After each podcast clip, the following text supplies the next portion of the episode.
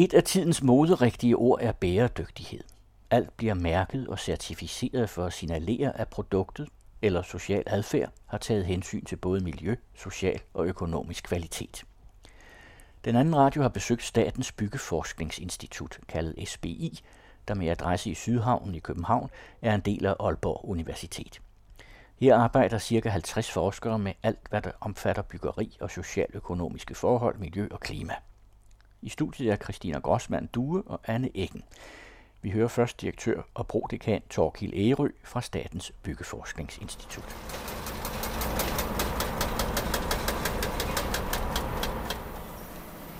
Der er en sag lige i øjeblikket, som har fyldt meget i byggeriet, det er de såkaldte magnesiumoxidplader. Nogle øh, kinesiske producenter kalder dem de grædende plader. Statens Byggeforskningsinstitut blev oprettet lige efter 2. verdenskrig og har søsterorganisationer i mange europæiske lande. Samfundet manglede billige boliger, og SBI blev sat i verden for at bidrage til, at de blev en realitet. I starten hørte SBI under Boligministeriet, men siden 2007 har instituttet været en del af Aalborg Universitet med adresse i København. Torgild Ærø, direktør og prodekan for SBI, forklarer nutidens relation mellem stat og byggeforskning.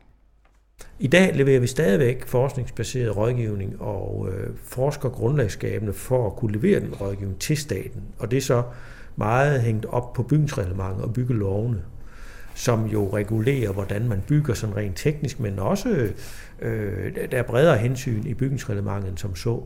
Og det er vi hele tiden på beatet med og leverer til energibestemmelserne i reglementet er jo blevet store. De er vokset markant siden 73, hvor vi havde den første oliekris. Og nu har det fyldt rigtig meget længe, men der er mange andre hensyn i bygningsreglementet, og som man også skal tilse, at vi ikke øh, regulerer for hårdt, så vi, så vi spænder ben for byggeriets produktivitet. Øh, og der, der, der sådan fluktuerer lidt nogle, nogle hensyn, man, man søger skærpe i reglementet, og der har vi hele tiden den grundlagsskabende forskning. Og det betyder også, at vi arbejder med noget, som ikke lige er, hvad skal man sige, politisk øh, fokuseret hele tiden, sådan at når der så for eksempel sker nogle skift, så, så har vi en, en, det tager meget lang tid at oparbejde en, en, en videnstung enhed, som kan levere adekvat til i myndigheden. Så for eksempel det her med bæredygtighed, der, der kommer og fylder mere og mere nu, genanvendelse og cirkulær økonomi og sådan noget, det har vi faktisk forsket i meget længe og fuldt.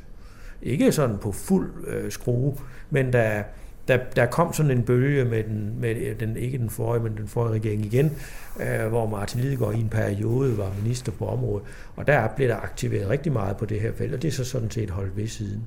Og der har vi altså haft et beredskab, selvom under forregeringerne var det ikke noget, man fokuserede så hårdt på. Så vi er, vi er statens øh, rådgiver på området, øh, men vi forsker bredere, kan man sige. Så det er det, det, det, det kommer af, at vi er Statens Byggeforskningsinstitut. SBI får tildelt cirka en fjerdedel af sine midler via Trafikstyrelsen, og de bruges til at løse direkte opgaver for staten. De øvrige tre fjerdedele af SBI's midler bruges til forskning inden for områder, som overordnet er aftalt med staten, men ikke så præcist defineret. Torkel Ery. Det er sådan nogle lidt runde emner, fordi myndighederne er også interesseret i, at vi får branchen, forskningsrådene, EU med til at finansiere vores forskning. Og der kan man sige, så bruger vi altså så yngler vi på pengene ved at sige, at vi kan også medfinansiere, så får vi bevillingen på den måde. Så det er sådan, mekanikken er. Og der er det altså sådan lidt, lidt grove begreber for, hvad vi forsker i. Men det er selvfølgelig inden for det byggemiljø, men i alt lige fra sundhed og indklima over energi, til hvordan fungerer det i forskellige øh, organisationer omkring boligen og bygningen. Fordi det skal man også vide, når man vil introducere nye regler, hvordan vil ejerne reagere på nye bestemmelser om, hvor, hvor, hvor tætte bygningerne skal være energimæssigt, hvor meget de må forbruge og sådan noget. Der ved vi rigtig meget om, hvordan brugeren tænker og investerer. Hvordan arbejder en, et andelsboligselskab, hvordan arbejder en almen boligsektor. Hvor hurtigt kan vi forvente, at de vil leve op til nye krav af sig selv, eller, eller hvordan, kan man, hvordan kan vi regulere os til en, til en mere effektiv bygningsmasse. Harpa Birgisdottir fra Island er seniorforsker på SBI med speciale i bygninger og deres livscyklus. Den aktuelle definition af bæredygtighed på SBI omfatter tre områder. Det sociale, det miljømæssige og det økonomiske. Så det er ret vigtigt, at man har fokus på alle de tre kerneområder inden for bæredygtighed. Man skal tænke mere langsigtet. altså i noget, som hedder livscyklusperspektiv, og det gælder både, øh, når man tænker på miljøøkonomi og det sociale. Øh, og i det for eksempel har man så livscyklusvurderinger og totaløkonomi, man vurderer. Så det er den her langsigtede tankegang. Og den anden er helhedsperspektivet, at man har fokus på øh, alle tre kvaliteter, og man ikke skal gå på kompromis på miljøet, altså eller på økonomien eller det sociale. Så man skal prøve at holde en balance mellem de der tre kvaliteter, miljø, økonomi og det sociale. Hvis vi går lidt ind i det, hvad betyder øh, social bæredygtighed for eksempel? Ja, altså det, den sociale kvalitet er sådan rimelig bred. Der har man det alt omkring, hvordan mennesker har det ind i bygningen. Og der spiller så indeklima en rolle. Så det er altså alt muligt om dagslys og luftkvalitet og akustik osv. Så, videre. så er der øh, arkitektonisk kvalitet. Så kan det være noget med sikkerhed og tryghed. Det kan være noget omkring tilgængelighed, at bygningen er tilgængelig for alle. Altså det handler om, at man skal kunne også have det godt i en bygning, for vi opholder os øh, ja, op til 90 procent af tiden inde i en bygning. Så det kan også godt være altså på en arbejdsplads, at man har tilgang til udendørs arealer osv. Hvad er så den miljømæssige kvalitet? Hvad er det? Ja, det er forskellige områder, men man kan sige, for det første, så øh, spiller livscyklusvurdering en stor rolle. Og det er der, hvor man kigger på øh, byggematerialer og øh, driften af en bygning i et livscyklusperspektiv, og kigger på, hvordan forskellige materialer bidrager til forskellige miljøpåvirkninger. Og det kan for eksempel være øh, brugen af ressourcer, for eksempel global opvarmning, altså vores klimaproblemer. Man kigger på bygningen i en lang sigt, ikke kun ved opførselen, og ser på, hvordan kan I vælge nogle materialer, som reducerer den, de her forskellige miljøpåvirkninger. En anden ting er så brugen af kemikalier. Undgå at bruge uønskede stoffer i bygninger. En tredje ting kunne være forskellige ting, som andet ressourceforbrug, ligesom hvordan man har øh, vandforbrug i en bygning. Også arealforbrug til bygningen, altså, og hvilken slags arealer, altså hvilken slags grund har man valgt til en bygning. Så er den økonomiske bæredygtighed. Hvordan ja. bliver den defineret? Øh, jamen det er så øh, igen, øh, at øh, totaløkonomi er en, øh, spiller en stor vigtig rolle der. Det er, at vi ligesom jeg sagde før med livscyklusvurderingen for materialer, vi kigger langsigtet, så vi regner ikke kun på anlægsomkostninger, men også ved driften af bygningen og sådan vedligeholdelse og, og så videre. Rengøring af bygningen. Hvad har man valgt, som gør, at det for eksempel kan være ret dyrt, så når man endelig har fået sin bygning, at vedligeholde den. Så et er totaløkonomien, tænke øh, i levetidsomkostninger. Det er, spiller en ret vigtig rolle. Og så er det sådan også nogle andre kriterier, som man kigger lidt på. Bygninger skal være fleksible sådan set, og når de øh, har, øh, skal have brug for at bruge den til nogle andre formål, så er det, har, det jo en vis økonomisk værdi, at man kan nemt, øh, at det kan nemt omdannes til en anden type det jeg er meget optaget af øh, livscyklusvurderinger. At man øh, netop skal kunne øh, kigge på bygninger i længere tidshorisont, og kunne netop lave nogle øh, beregninger på, hvad det betyder miljømæssigt, altså både design af bygningen og de forskellige valg af materialer.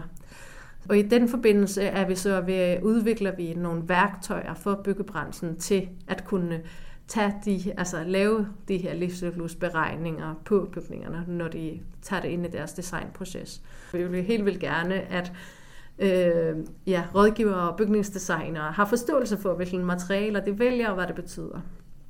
Og det, så vi kan se for eksempel, at det har en stor rolle både for bæredygtig byggeri og så også, også alt den her snak om cirkeløkonomi i byggeriet.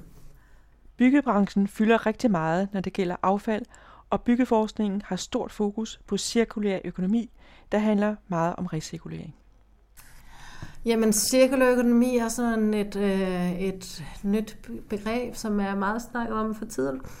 Og det er jo også fordi, at vi vil gerne tænke på, at vi ved godt, at vi bruger en hel masse ressourcer, og ret tit øh, meget af vores processer er sådan set, at det man så kalder sådan lidt køb og smid ud øh, kulturen.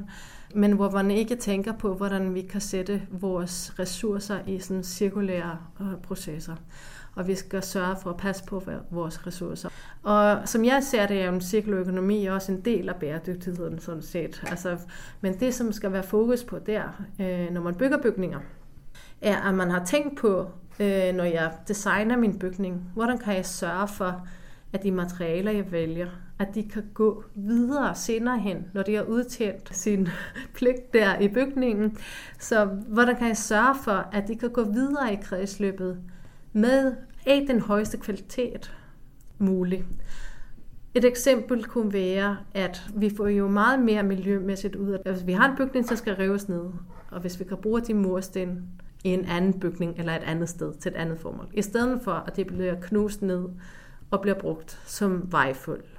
Selvfølgelig er det også bedre end ingenting, at det bliver brugt som vejføl, men vi ved, at det er bedre for miljøet, at man, hvis muligt, hvis det teknisk set kan bruges som mursten, at de så vil det. Det samme gælder, når vi har produceret øh, betonelementer. Vi har brugt masser af ressourcer og øh, energi på at producere cementen og producere betonen. Så vi spiller en del hvis vi skal så til at knuse det ned, og den eneste mulighed er at bruge det som knust beton. Så derfor er det, skal den der cirkulær økonomi for os til at tænke lidt anderledes. Hvordan kan vi designe vores bygninger, så vi tillader, når det er muligt, og ikke har nogen indflydelse på bygningens kvalitet og andre, alle de andre krav, men at det kan gå, indgå i nogle cirkulære processer. Så det tror jeg, det, det er det, som byggebranchen også nu er ved at prøve at finde sin ben på og arbejde på udviklingen.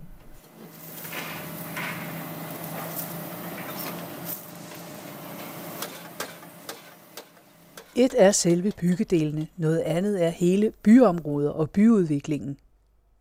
Seniorforsker Jesper Ole Jensen, SBI, forklarer her, at bæredygtighed kan fortolkes rimelig bredt eller mere snært forbundet til CO2-udslip og reduktionen af det. Men allerede med den såkaldte Brundtland-rapport fra 1987 opererede FN med tre søjler, det miljømæssige, det sociale og det økonomiske. Og ud fra de parametre fokuserer Jesper Ole Jensen på bæredygtighed i eksisterende byer. Han forklarer de mange forhold, der skal til for at kalde en by eller et byområde bæredygtigt. Den vinkel, som vi lægger på bæredygtighed, er, at det er jo noget, som sker i et samspil mellem mennesker og bygninger. Det er jo sådan, at der bor levende mennesker, og der er organisationer, der er virksomheder, øh, der er alle mulige andre aktører, som bruger byerne og bygninger og infrastrukturen. Og deres ageren i øh, den bebyggede struktur, vi har, den medfører øh, noget ressourceforbrug og emissioner og alt det her også. Og det, som der er en stadig udfordring, det er at finde løsninger på, hvordan kan vi øh, samlet set skabe nogle byområder, hvor folk både er glade for at bo, og også har en adfærd, der medfører, at vi ikke forbruger så mange ressourcer og ikke øh, har så mange emissioner.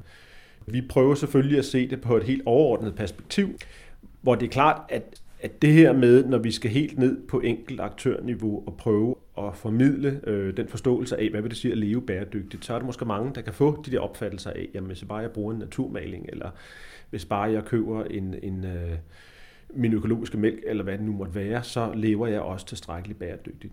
Så en del af udfordringen med at skabe bæredygtige byer er jo også at få formidlet og få lavet nogle redskaber og nogle måder, så det vi kan kalde de almindelige mennesker i byen, de også får nogle pejlemærker på, hvor meget belaster vi miljøet ved vores daglige adfærd. Det handler også om facilitering, at de rent faktisk får nogle muligheder for at gøre tingene bedre. Og det er jo også en udfordring, fordi at, øh, tit kan det jo godt være i nogle strukturelle forhold med, at du for eksempel bor langt fra din arbejdsplads. Lad os sige, at den offentlige transport er meget dårlig, så hvad, hvordan kan jeg egentlig øh, gøre det her? Er jeg så personligt ansvarlig for at bruge mere tid på at komme til min arbejdsplads?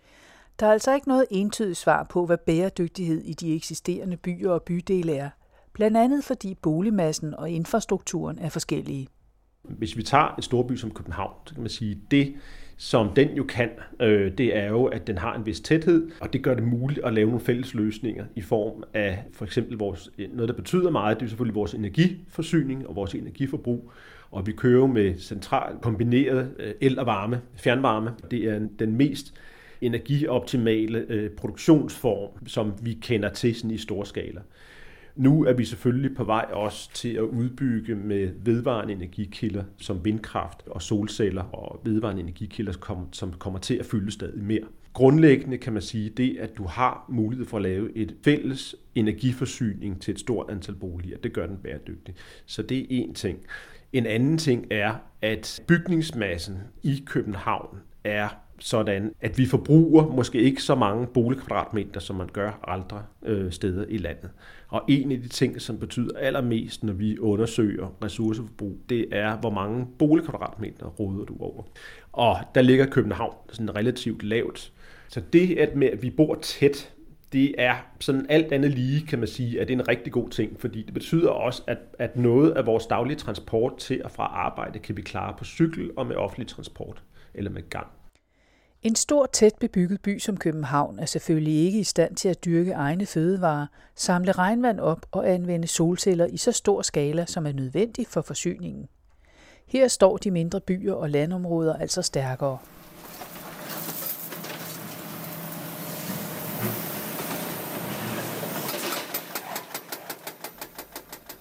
Det var de store linjer i de eksisterende byers bæredygtighed – men hvad så, hvis man dykker ned i enkelte bydele i kommunerne? Lars Engberg, seniorforsker også på SBI, forsker i omdannelse af eksisterende bydele, for eksempel sådan noget som kvarterløft. Med sin baggrund i offentlig forvaltning fokuserer han på, hvordan de meget siloopdelte forvaltninger i kommunen kan styre og udvikle bæredygtige løsninger. Det skal foregå i samarbejde med borgerne og civilsamfundet og på tværs af forvaltningerne. Min forskning det handler om omdannelsen af det, der er i dag. Altså man laver områdebaserede byfornyelsesindsatser. Det kunne også være en lidt bredere dagsorden omkring smart city-udvikling, hvor man prøver at kigge på bedre sammenhæng mellem energisystem og, og større renoveringer af, af bygninger.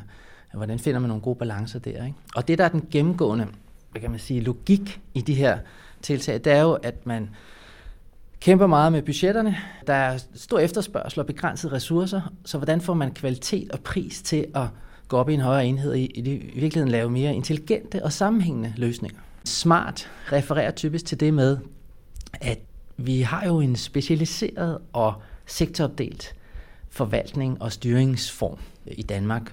Og det betyder, at det kan være ganske vanskeligt at arbejde på tværs, og det giver god mening at øh, lave mere integrerede løsninger, fordi man både kan spare penge og måske også skabe en bæredygtig vækst og omstilling, hvor man i dag ikke har øje på den, fordi man netop er meget øh, silo-opdelt. Så det er, det er et stort tema, det der med at forsøge at kigge lidt på siloerne, og man kan skabe bedre sammenhæng. Der er rettet mod at få borgerne og også bestemte målgrupper øh, til at være med til at skabe noget social udvikling.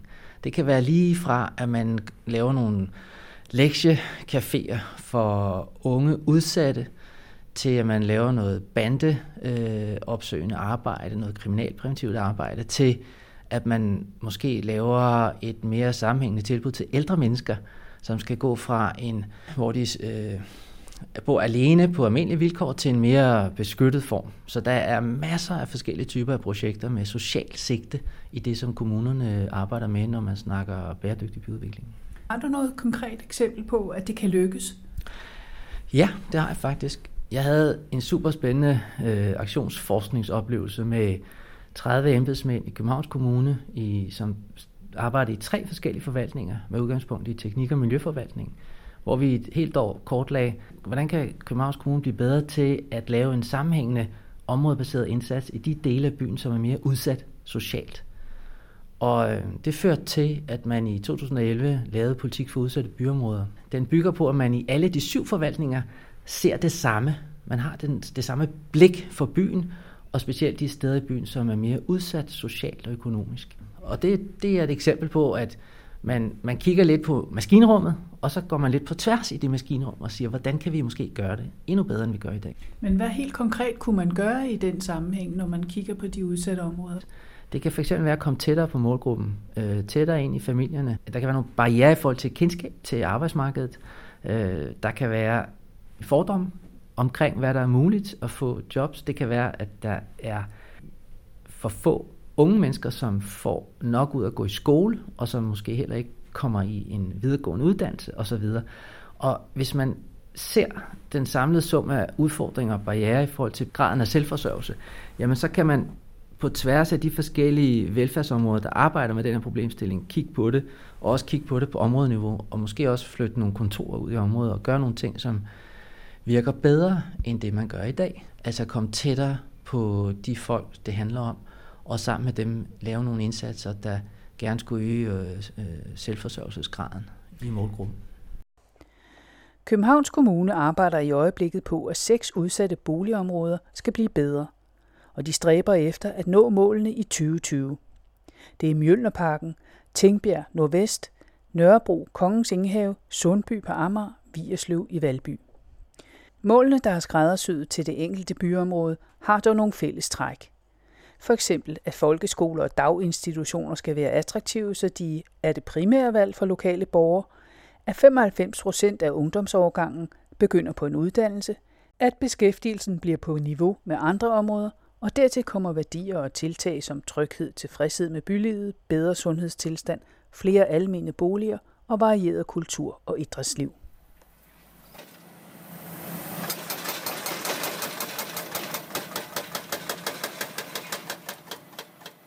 Her i 2017 arbejder forskerne på SBI med tre større forskningsområder.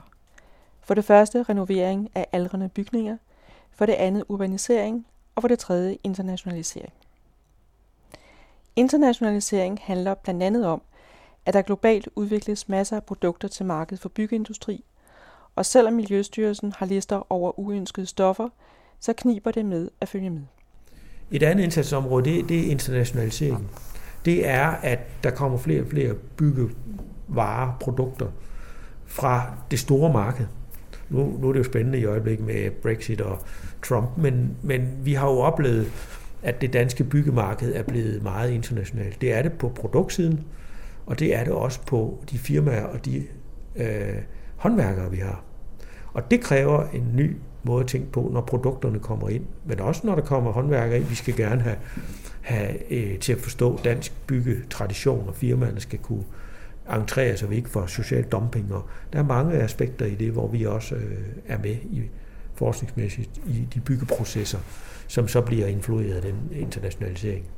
Du siger produkter, er det så øh, mursten og tegl, eller er det mere øh, elementer, kan man betonelementer for eksempel? Ja, men det er sådan set hele sektoren. Hele, hele, det kan også være, det, det kan være installationer, Øh, der er en sag lige i øjeblikket, som har fyldt meget i byggeriet, det er de såkaldte magnesiumoxidplader.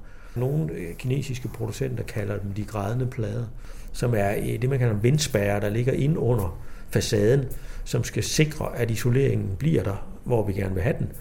Og der kom et produkt på markedet for nogle år siden, øh, som var en magnesiumoxidplade, som var rigtig stærk på mange måder, fordi at den blev lanceret som meget værbestandig og faktisk rigtig god og billig løsning, som rigtig mange øh, udførende valgte at bruge i projekterne.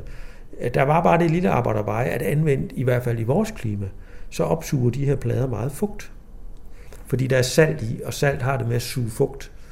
Og det er ikke så et stort problem for selve pladen, bortset fra at det kan dryppe fra den, men de er ophængt i noget metal, som korderer. Og det viser sig, at DOC Øh, et øh, i, i, på havnen i år, som du måske kender, det nye store bibliotek og multihus, der er opført med vindspærplader i, i, i noget, der summer til 25-30 millioner og erstattet med noget andet nu, og det er altså det, man er nødt til. Så det er sådan nogle oplevelser, vi prøver at mobilisere øh, vores indsats på, og prøver at diskutere, hvordan fanger man sådan noget, før er vi ude i sådan en regning. Og det kan man betragte på mange måder sådan nogle regninger. Det er sådan set måske også udviklingspenge. Så der er til nogle nitter i det, men øh, ideen er jo, at vi vinder ved at være en del af et meget stort marked for nye løsninger. Så jeg er ikke tvivl om, at vi i byggeriet og leverancen af bygge øh, løsninger og boliger har vundet ved, at vi har haft tilgang og adgang og fået nye produkter på markedet. Og så er der så er til sådan nogle her, øh, som man altså ikke fanger, fordi vi ikke længere har en kontrol af byggevarer. Altså myndighederne øh, har øh, måske nok i højere grad tidligere haft kontrol med sådan nogle mærkningsting og sådan noget, men her oplevede vi i hvert fald, at der var nogen øh, bygherrer, der ikke fik fanget bestillingen her, at, at der blev anvendt ting, der sådan set ikke kunne tåle at blive anvendt, kan man sige. Så det har vi skal, skabt nogle fora, der skal diskutere og fange yderligere nu øh, tidligere, så sådan nogle produkter bliver fanget. Det var, her var det den almindelige sektor, der var først til at se, at, øh, at der var nogle problemer. Ja, for det lyder som om, at det var ikke nogen bæredygtig løsning, i hvert fald ikke Ej, i Danmark. Sige. Nej, men der, var, der, der skal vi altså øve os som nation og, og aktører på feltet her på håndtering af sådan nogle situationer. De vil komme. Og, øh, og det, kan man, det, det er selvfølgelig forskrækkeligt mange øh, midler, der, der så pludselig er en strid om, og det ender i retten om, hvordan og hvorledes, hvem har ansvaret her. Det er vi jo ikke noget, vi går ind i. Men det, at der er, bliver anvendt den slags type øh, materialer og sådan noget, er noget, vi godt kunne blive mere opmærksom på, og, og i hvert fald nu øh, går ind i nogle fora med, og så vi, så vi så ligesom får informeret hinanden om i sektoren, hvordan, hvordan sådan noget der det virker. Så den der internationalisering er, er et, et spørgsmål, vi tager op der også. Historien om de grædende plader og den manglende viden om en kendt skandale med pladerne, og det at vælge bæredygtigt skal formidles videre til boligejere, håndværkere og rådgiver, så de kan handle og renovere bæredygtigt. Seniorforsker Jesper Ole Jensen forklarer her, hvad problemet er. De reguleringsmuligheder, vi har, de har måske ikke vist sig at være tilstrækkelige endnu. Det er i hvert fald meget vanskeligt at, at få skabt den her udvikling i retning af, at boligejeren tager fat og renoverer, energirenoverer deres ejendomme selv. Vores erfaringer det er jo lidt, hvis der skal ske noget på det her, så det er ikke nok at sætte ind med en enkelt ting, altså oplysning, tilskud. Der skal også andre ting til, Altså boligejerne skal faciliteres med, at de skal hjælpes til at se og forstå, hvordan er det, man gør det her. Det er jo svært at håndtere det her med, hvordan bygger jeg min, min ejendom om? Øh, hvad er det for nogle ting, jeg skal gribe fat i? Skal jeg isolere taget? Eller skal jeg optimere på min varmeforsyning? Skal jeg have nye vinduer i? Hvad er det, jeg skal gøre? Hvilke håndværkere kan hjælpe mig med det?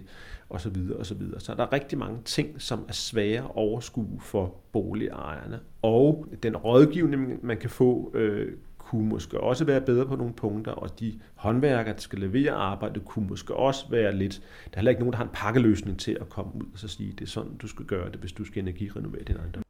Der er altså noget, der tyder på, at lovgivningen om bæredygtige renoveringer er mangelfuld, og at der mangler handling og viden. Men der er nogen, der forsøger sig med bæredygtig byggeri.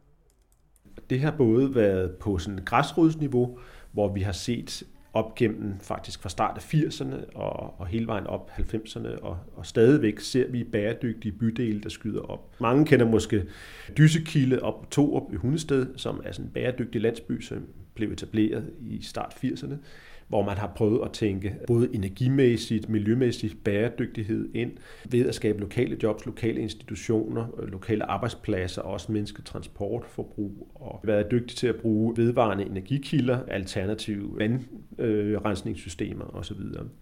Og den type bæredygtige landsbyer har vi set andre steder i landet også. Hjortshøj ved Aarhus. Ja, den fysiske landsby. Ja. Mm.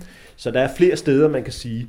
Det, der har været lidt udfordringen, det er, at mange af de steder her, som er startet op og drevet af, af, på sådan en græsrødsmaner, er nok noget, der ikke appellerer sådan tilstrækkeligt måske til den, det, vi kan kalde den almindelige dansker, som er vant til at bo i, i forstaden i et parcelhus eller rækkehus.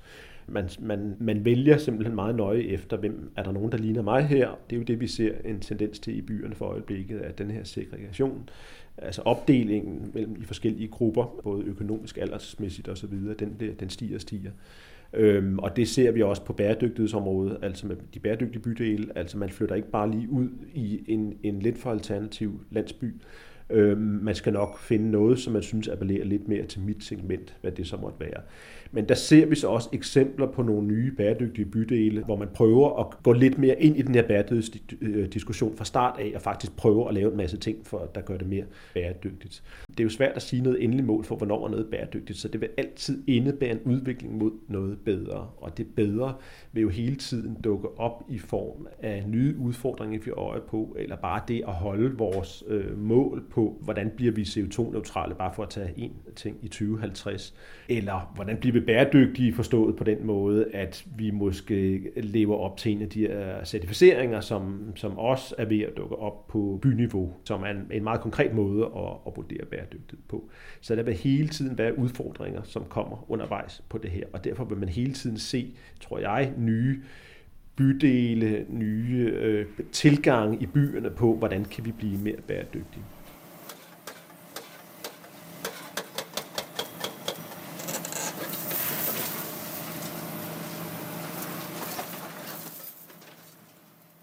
For at værne mod den almene brug af ordene bæredygtig og grøn, der kan variere meget i indhold, har byggebranchen indført en certificeringsordning, der findes i flere grader.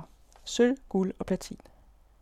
Her taler om en certificering, der er frivillig og kan erhverves til både eksisterende og helt nye bygninger. Certificeringen forvaltes af en uafhængig organisation, Green Building Council Danmark. Den er ikke statskontrolleret, men udviklet i samråd med hele byggebranchen og med SBI. Harpa Birgisdottir. Cirka øh, 2010 plus minus har man begyndt at snakke meget omkring bæredygtigt byggeri. Og begyndte sådan at kunne se så lidt behovet for, at man gerne ville sætte et eller andet standard for, hvordan, altså, så vi alle havde sådan lidt den samme forståelse for, hvad snakker vi om, når vi snakker om bæredygtighed. Fordi man tit havde oplevet, at man for eksempel sagde, ja, vi har fokus på bæredygtighed, men så var der måske kun fokus på energibesparelser. Øh, men de dækker jo ikke hele øh, bæredygtigheden. Så der omkring det der 2010-11 var der i hvert fald meget fokus for den øh, altså danske byggebranche, at man havde et eller andet fælles forståelse for det. Og i 2012 altså havde man den første markedsversion af certificeringsordningen DGNB, som man bruger til certificering af bæredygtigt byggeri i Danmark. Så fra 2011-12 har man øh, begyndt at bruge den her frivillige certificeringsordning. Hvor kom inspirationen fra? Men der var det den danske byggebranche, som øh, havde sådan lidt sat sin kærlighed på den tyske certificeringsordning.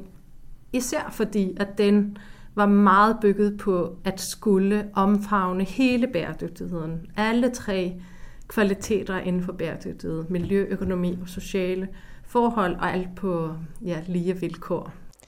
I 2012 blev de første bygninger certificeret, men hvilke bygninger er der så tale om?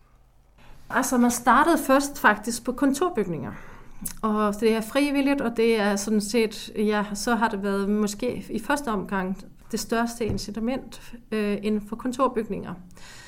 Øh, men nu er der så også kommet muligheden for at øh, arbejde med boliger, og det er, er, er der altså en del flere boliger på vej. Det er også skoler og institutioner, som bliver certificeret, og det er også hospitaler. Men kendetegner måske lidt, at det er større bygninger. Øh, ikke så meget et, det enkelte enfamilieshus. I og med, at man begyndte at arbejde med en certificeringsordning med, ja, det var knap 50 forskellige kriterier, som man skulle arbejde på og dokumentere, og rigtig mange ting var nye. Og nogle områder, som man siger, nogle kvaliteter, man gerne vil kunne arbejde med, men er lidt svært at måle. Ja. Øh, kunne du give nogle eksempler? Ja, men altså, det kan være forskellige ting omkring fleksibiliteten af bygninger. Altså, hvor fleksibel er bygningen overfor en omdannelse, som vi ikke helt ved på forhånd, hvilken omdannelse det bliver behov for senere hen. Kunne tænke over det, men alligevel er det ret vigtigt, at man har tænkt på bygningens fleksibilitet. Vi ved, at det er vigtigt, men hvordan skal man lige præcis måle det? Vi er jo lidt vant til i Europa, at vi har bygninger, altså, som er 500 år gamle for eksempel. Ikke? Ja. Øh, når man bygger i dag, altså hvad er levetid i dag for bygninger? Øh, vi regner øh, miljøpåvirkningerne helt op til omkring i 100 års periode. Det er lidt svært, fordi man skal jo regne, man skal regne på, hvad det koster, altså miljømæssigt, øh, at bygge bygningen, men vi skal også vedligeholde den, og så skal vi tage nogle antagelser omkring, hvor tit det skal udskiftes forskellige materialer osv. Så, så der har vi valgt, at vi skal regne miljøomkostningerne, øh, eller miljøpåvirkningerne i, i hvert fald omkring en 100-års periode.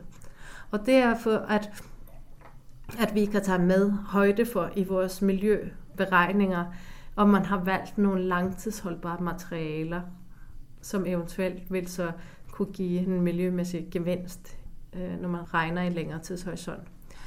For vores økonomi har man så valgt at regne i en 50-års periode. Og det er også en, en rigeligt inden for den økonomiske måde at regne det på. Så det er jo ret kort faktisk, 50 år. Ja, og nu går vi måske lidt i detaljer omkring øh, tingene, men man regner jo så bygningerne over i nutidsværdi, og så når man regner renter og forskellige ting, øh, så i virkeligheden betyder de omkostninger, så kommer efter 50 år ikke lige så meget som dem, som sker op til de første 50 år. Så jeg tror, at den er rimelig forsvarlig inden for totale økonomiske beregninger. Det valg, man har truffet der.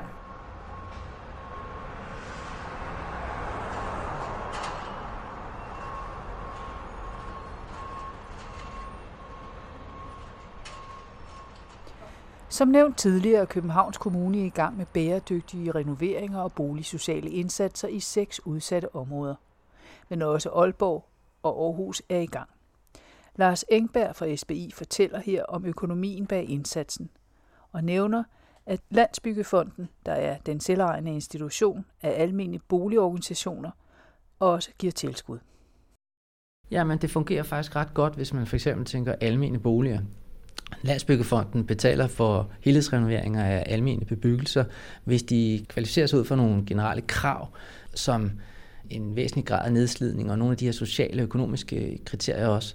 Og det betyder, at, at der er sådan en kollektiv omfordelingsmekanisme i forhold til de almindelige afdelinger, hvor de så kan få øh, et tilskud til en øh, helhedsrenovering, som så typisk skal være en afbalanceret renovering, hvor man tager hensyn til både lavere forbrug til energi og opvarmning efter renoveringen, men lige så meget til øh, de konkrete behov, der kan være for bedre køkkener eller vådrum, eller hvad det kan være. Og også gerne nogle udarealer, som er mere øh, velfungerende. Og det, der er interessant i en dansk sammenhæng, det er, at man fra en mere klassisk renoveringstilgang, hvor man kigger primært på boligen og prøver at gøre den fremtidssikret bedre, nu også forsøger at skabe by, altså bryde både de fysiske og mentale barriere ned til de her områder, og få nogle flere funktioner lagt derud. Bygge måske nogle spændende nye øh, bygninger, som kan fortælle en ny historie om, hvad det her område kan og skal og er. Og det, det er jo en meget interessant bevægelse, der er i den danske sammenhæng. Og hvor mange år har man tænkt sig, at man skal spotte derud, før tingene hænger sammen igen, og netop kan fortælle en ny historie? Jamen altså, hvis man kigger på det, nu taler vi om de udsatte boligområder, som både har en problemstilling, som er omkring øh, marginalisering og sociale problemer. Måske også, der er også noget omkring integration og etnicitet. Der kan være noget omkring energi. Der kan være noget om tilgængelighed. Øh, der kan være noget om kultur, kulturelle tilbud osv. Det er en lang liste af, af problemstillinger, der kan være relevant at kigge på i forhold til sådan et boligområde.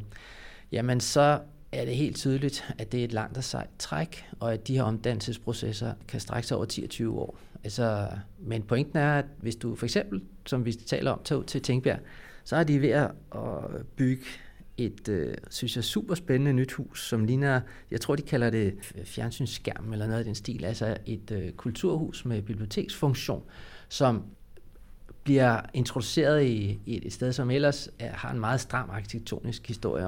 Så, så man prøver at bryde op, man prøver at skabe nogle, nogle nye, øh, nye billeder, mere positiv fortælling om, om de her områder, øh, Øh, med henblik på også at måske tiltrække en mere blandet beboersammensætning. Og det er jo et diskussionsemne, er det den vej, man skal gå, men det er helt tydeligt, at det ønsker man at gøre. Ikke? Og det kan blandt andet være, at at Tingbjerg Skole vil have godt af at få en mere blandet øh, hvad kan man sige, kundegruppe, fordi det i dag er rigtig svært. Der er lærere, som ikke ønsker at arbejde der osv., så, så man, det gælder om at mainstreame i virkeligheden de øh, offentlige øh, tilbud, der er, og det kan, det kan gå over. Altså, det er en meget lang proces.